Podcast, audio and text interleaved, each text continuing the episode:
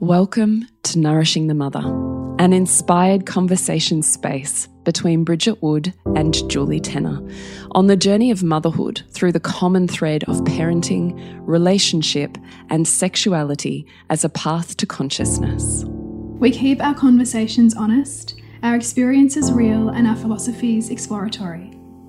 We believe that in order to raise incredible humans, we first have to raise ourselves. We know that in order to rock the family, you've got to nourish the mother.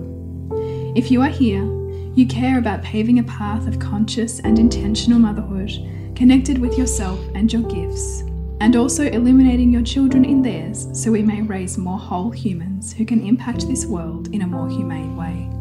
If you desire to integrate your learnings practically and supportively, head on over to bridgetwood.life or julietenner.love to go deeper.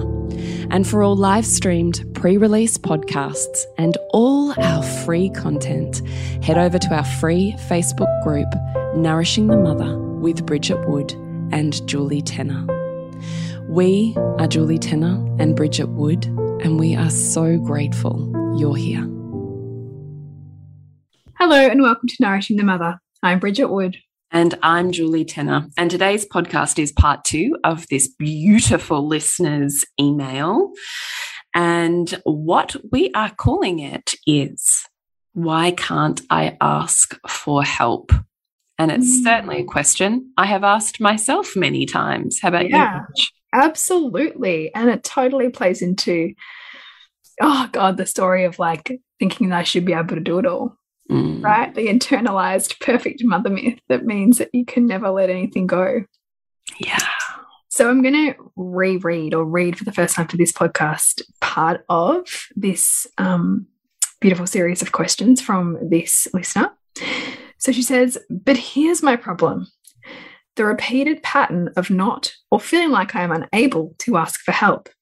We've had conversations before, and I know all my signs of overwhelm, of martyrdom, of putting everyone else first and trying to control everyone and everything around me as to not tend to myself and my needs, and then resenting everyone around me. So I know this. I know this pattern. So why, why, oh, why is it so fucking hard to ask for help? What am I not seeing? What leaves me feeling like he should see what is going on? For him to take equal responsibility for the emotional and mental well-being of parenting and family responsibility? Is it wounded and underempowered feminine, shooting all over the place with what I should be able to do? Clearly, this pattern is repeating and repeating, and I'm staying here in the pain of it all. So I haven't learned my lesson yet. And honestly, I thought by now I would have. Clearly, I like this soundtrack. Mm. Oh, God, I, I know you and I, yeah, totes, right? Yeah, I was about to say that too. so, what we thought might be a really beautiful honoring for this podcast is to do it, treat it a little bit differently. Mm. And our invitation to you is to get out a pen and paper or a note on your phone, and we're going to ask you the questions that we would, if we were in session with this woman, we would most likely guide her through one or several of these. So instead, we can use this as a beautiful springboard because we know what's going on for this listener is going on for all of us on some level, right? That's the mm. beautiful entanglement with which we all live in this quantum field. So we're going to treat this like a conscious journaling session. So I'm going to ask the questions. Bridget, and the invitation is to, after we've asked the questions, if you would like more context, Bridget's going to give it. If you don't, you're like already like you have a ping moment, then just press pause, write out whatever you need to write out, and then press play for the next question and just keep treating it that way. And I promise you, you'll get some pretty profound insights that you get to like create for yourself, which is mm. even more cool. So cool. So let's dive in. Question number one Why can't I ask for help? Mm. So just let the stream of consciousness come out. Why can't I ask for help? What happens if I ask for help? Question two What will happen if I ask for help? I would also offer to you here that if you start with one question, then just keep asking yourself, okay, and then what will happen, and then what will happen, and then what will happen, and see where you get to. Question three What does that mean?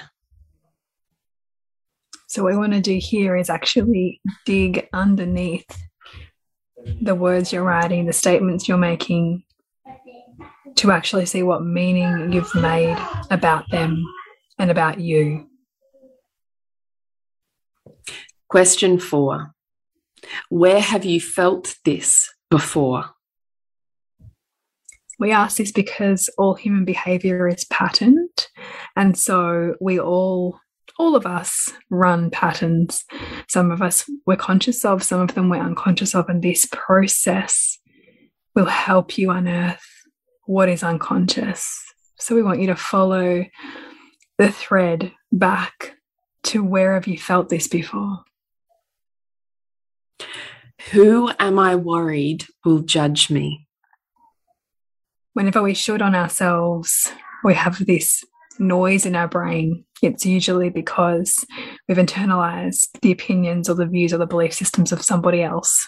And so asking this question will help you see whose voice it is is clouding the strength of your own. Why should I be able to do it?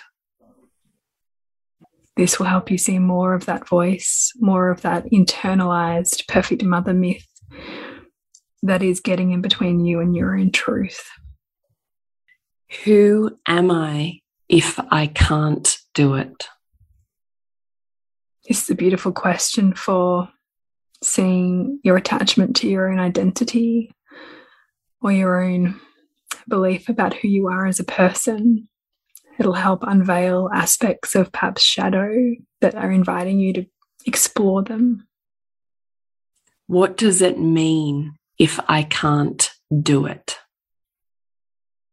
This will help you see what you think failure is and help you see whether that's really true. This podcast is brought to you by what we have going on in the world right now that you can dive deeper, dip a toe into, or explore a little more. So over at julietenner.love, we have all things Lovers School happening. So Lovers School begins on April 18. It's a beautiful container just for the couples. So you can have a space to explore yourselves, your connection, your sexuality, your relationship, your communication, that you have content you can watch at your own pace. You have me available to you for six whole weeks and you have two workshops that you can join in as much or as little as you like like. There's no pressure. This is just a space for you to dedicate to you and your relationship. And Bridgie. Yes, and over at bridgetwood.life, you can check out Flow Mind Body Mothering, which is all things managing, uncovering, and expanding your energy in your parenting. It's all about seeing dynamics in your relationship with your child and your broader family. It's about tuning into who your child is and, and, and becoming, and about really equipping yourself as a mother with more tools to help you feel lush and expanded in your mothering journey. Then there was a theme in this listener's question that was why can't my partner see what I see? And why can't it be equal in the level of responsibility and emotional holding that we have? So, what we're going to ask you here is to start getting really clear about values and really clear about the fact that we all see the world differently. Mm -hmm. So if we were to each, all of us, see the same things, our brains would like figuratively explode because we simply just cannot. There is too much in our world to perceive.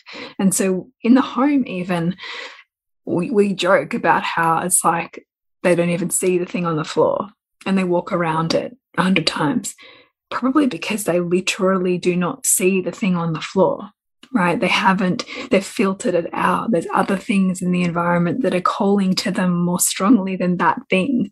But that thing's calling to you most strongly, right? Because of your own values. And so if we don't understand this and keep this front of mind, then we can very quickly feel like we're not seen, we're not heard, we're not valued, like you're on different planets. And so it's important to see, okay, well, where are they what I say that they're not, but in a way that's unique to their values. So, where are they responsible? Where do they plan ahead? Where do they show that they're caring for the rest of the people in the home? Because they will be. It just looks very different to your set of values. So, just getting really clear on where is your partner equally holding responsibility. So you can look, as Bridgie said, in the same area of life that you're seeing that it's missing. Where is it present? The form will just be different, but not the area of life. Or you can look for it more broadly around where is the equal holding and responsibility and accountability that you're perceiving in the home? Where does it exist for them in all of their different areas of life? So you can see mm-hmm. you're both holding equally. It just where you're holding is different. And that's based on literally your values and what's most meaningful. So when you can see the equal responsibility, and if you can't, then you're not looking in a way to prove your own set of convictions wrong. Yeah. Right? yeah. So there can be an attachment to needing to see your partner in a certain way. And because if you know we perceive them that way then it strengthens our identity. Perhaps or it strengthens our position or our challenges. But and, and it's great for the stories we tell ourselves but it's not so great for the connection and support that we're seeking. And so why we want to mine and drill down here is to see that okay well if my set of values mean that i've got family number one but they're working all the time and they're talking about business deals so they've got business number one then what is the value to me of them dedicating all of their energy and attention over there? Because if I'm sitting over here resentful and disconnected to them, then I'm clearly not seeing how much of a beautiful service that is to me. And so I need to ask better questions. Mm. So, can you see how this equal responsibility is representative or linked to, tied in with their top values? And then once you're like, yeah, I can see that's their top values, Julie and Bridget, then we're asking you to see how that serves you and your top values, not how it's in the mm-hmm. way, how it amplifies, holds, creates space for, creates momentum for, how it benefits your expression of top values. Now, we also recognize this one is probably a little bit more advanced, maybe tricky if you're a newbie to our spaces and podcasts to do on your own. That's okay. You don't have to do it. The invitation would be to come in either one of our spaces to be able to be facilitated in a way that can deepen this. But this is, we're here to literally go, hang on a minute, let's widen our perception so that our world widens with it. And that's what we're asking you to do here. Widen your perception, balance your emotions live a better life. Mm. The last one is you will crave to be seen by others to the degree that you are not seeing yourself. Mm. So, where are you not seeing, meaning valuing, giving recognition or validation to yourself? Mm. If that question feels too tricky for you right now, then ask it of yourself this way What do I wish, crave, long for, for my partner to witness, to acknowledge, to say, or to see in me? Mm. Because they are the things you're seeking for yourself, right, Bridget? Yeah, it's a beautiful revealer because it's like, I want so much to be relished and seen and admired and just witnessing all of this by the person that I love. What if I was to turn that mirror back on myself and ask myself in all of the ways, what would it be like for me to see that? For me to celebrate that? For mm. me to appreciate myself? Mm. What does that look like for you? Mm. How do you see and appreciate yourself? Yeah. It's such a practice, isn't it? Because I think we're just so like, it's just so odd in our culture to actually take a pause and do that because we're so outward oriented, we're so outwardly focused. Mm. And so mm. for me, I think I do a lot of it in terms of keeping the pulse of the relationships that I have with my children mm. and with my husband, but you know, largely with my kids, like recognizing in all of the ways that I seek to speak to them, that I seek to communicate in their values, that I seek to, you know, create an environment in which that they thrive. I look at that and I try to look at it in a way that drops an agenda for how they should should see me or appreciate me and me simply do that practice out of a devotional act for the relationship and who they get to grow as as a byproduct of that relationship or my intention. Mm. Does that kind of make sense? Well, it makes sense to me. That yeah if I can be really solid in what feels like integrity for me, then I don't need anybody else's approval. Mm. Because I've given it to myself. Mm. But then, funnily enough, it usually comes.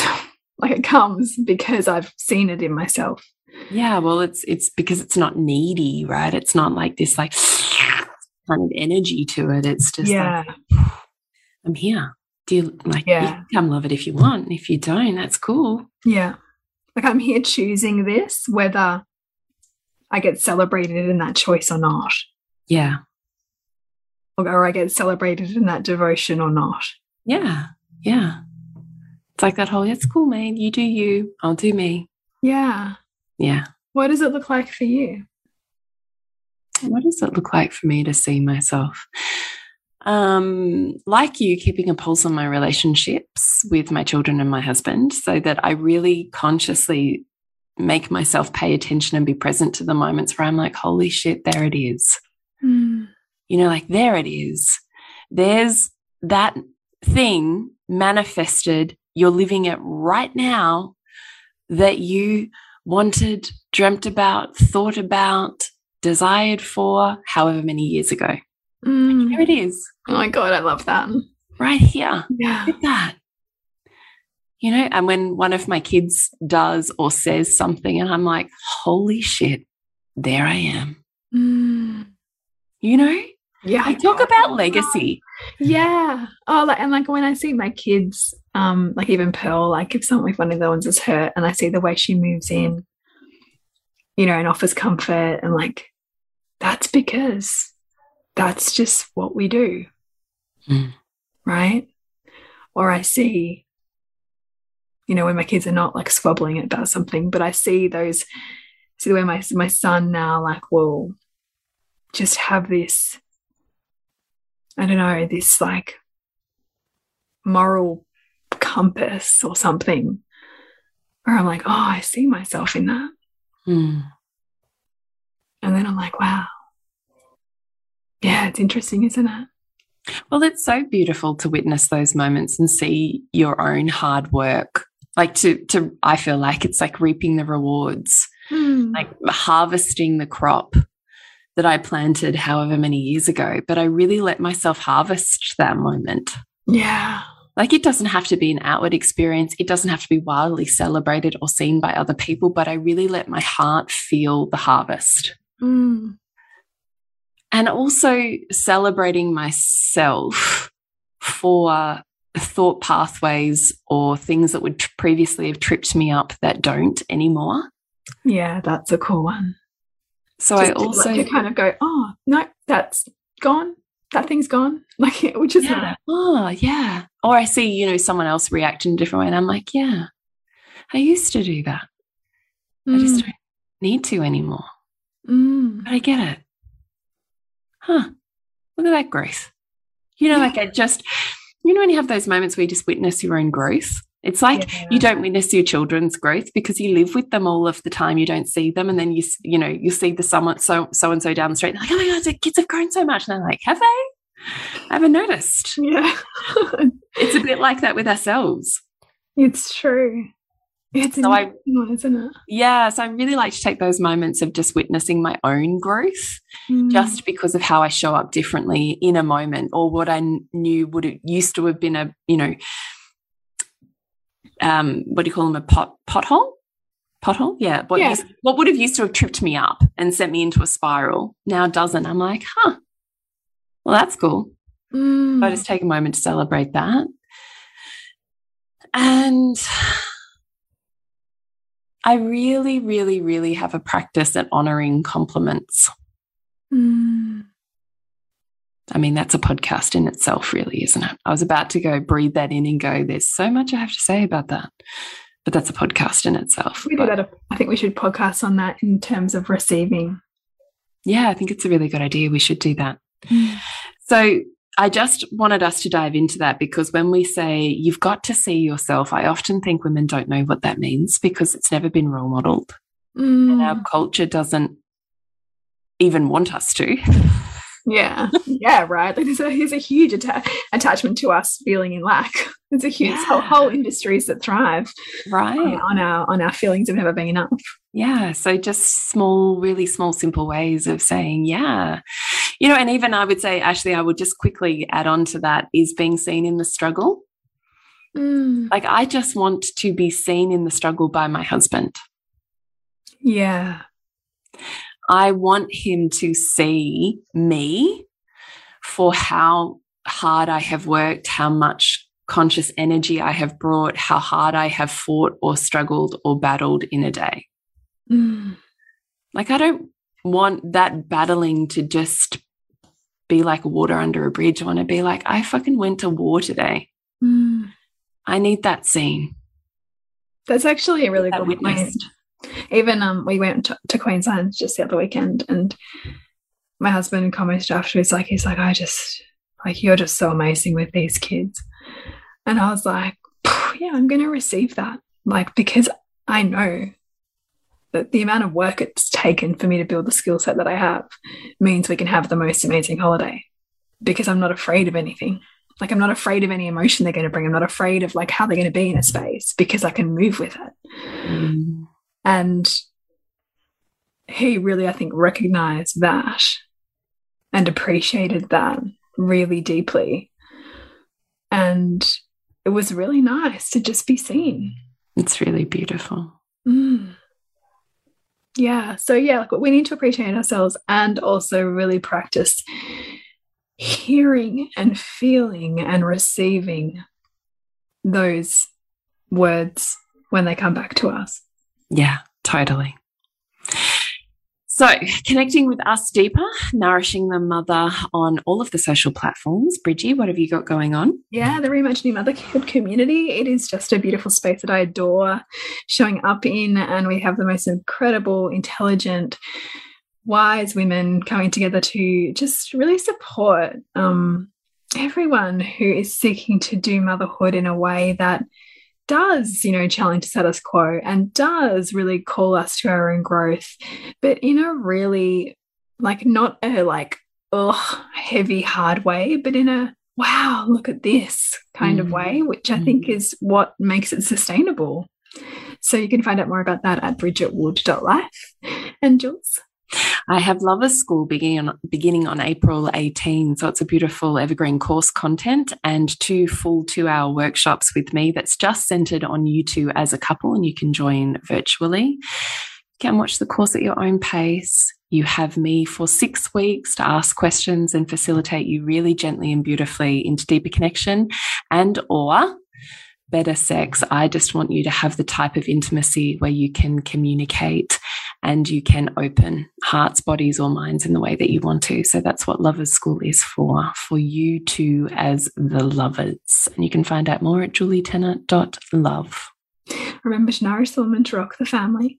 And we'll see you next week when we continue to peel back the layers on your mothering journey. Thank you so much for listening. We literally couldn't do this without you. Please share this podcast with anyone you think it would be medicine for.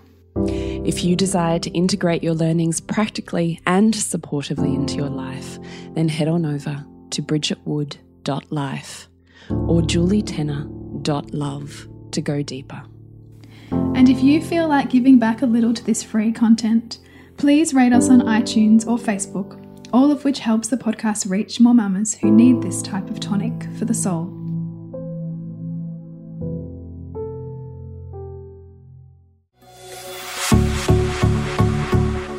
This has been a production of TheWellnessCouch.com. Check us out on Facebook and join in the conversation on Facebook.com forward slash The Wellness Couch. Subscribe to each show on iTunes and check us out on Twitter. The Wellness Couch, streaming wellness into your lives. Whilst the Wellness Couch presenter endeavor to provide accurate and helpful information to their listeners, these podcasts cannot take into account individual circumstances and are not intended to be a substitute for health and medical advice from a qualified health professional. You should always seek the advice of a qualified health professional before acting on any of the information provided by any of the Wellness Couch podcasts.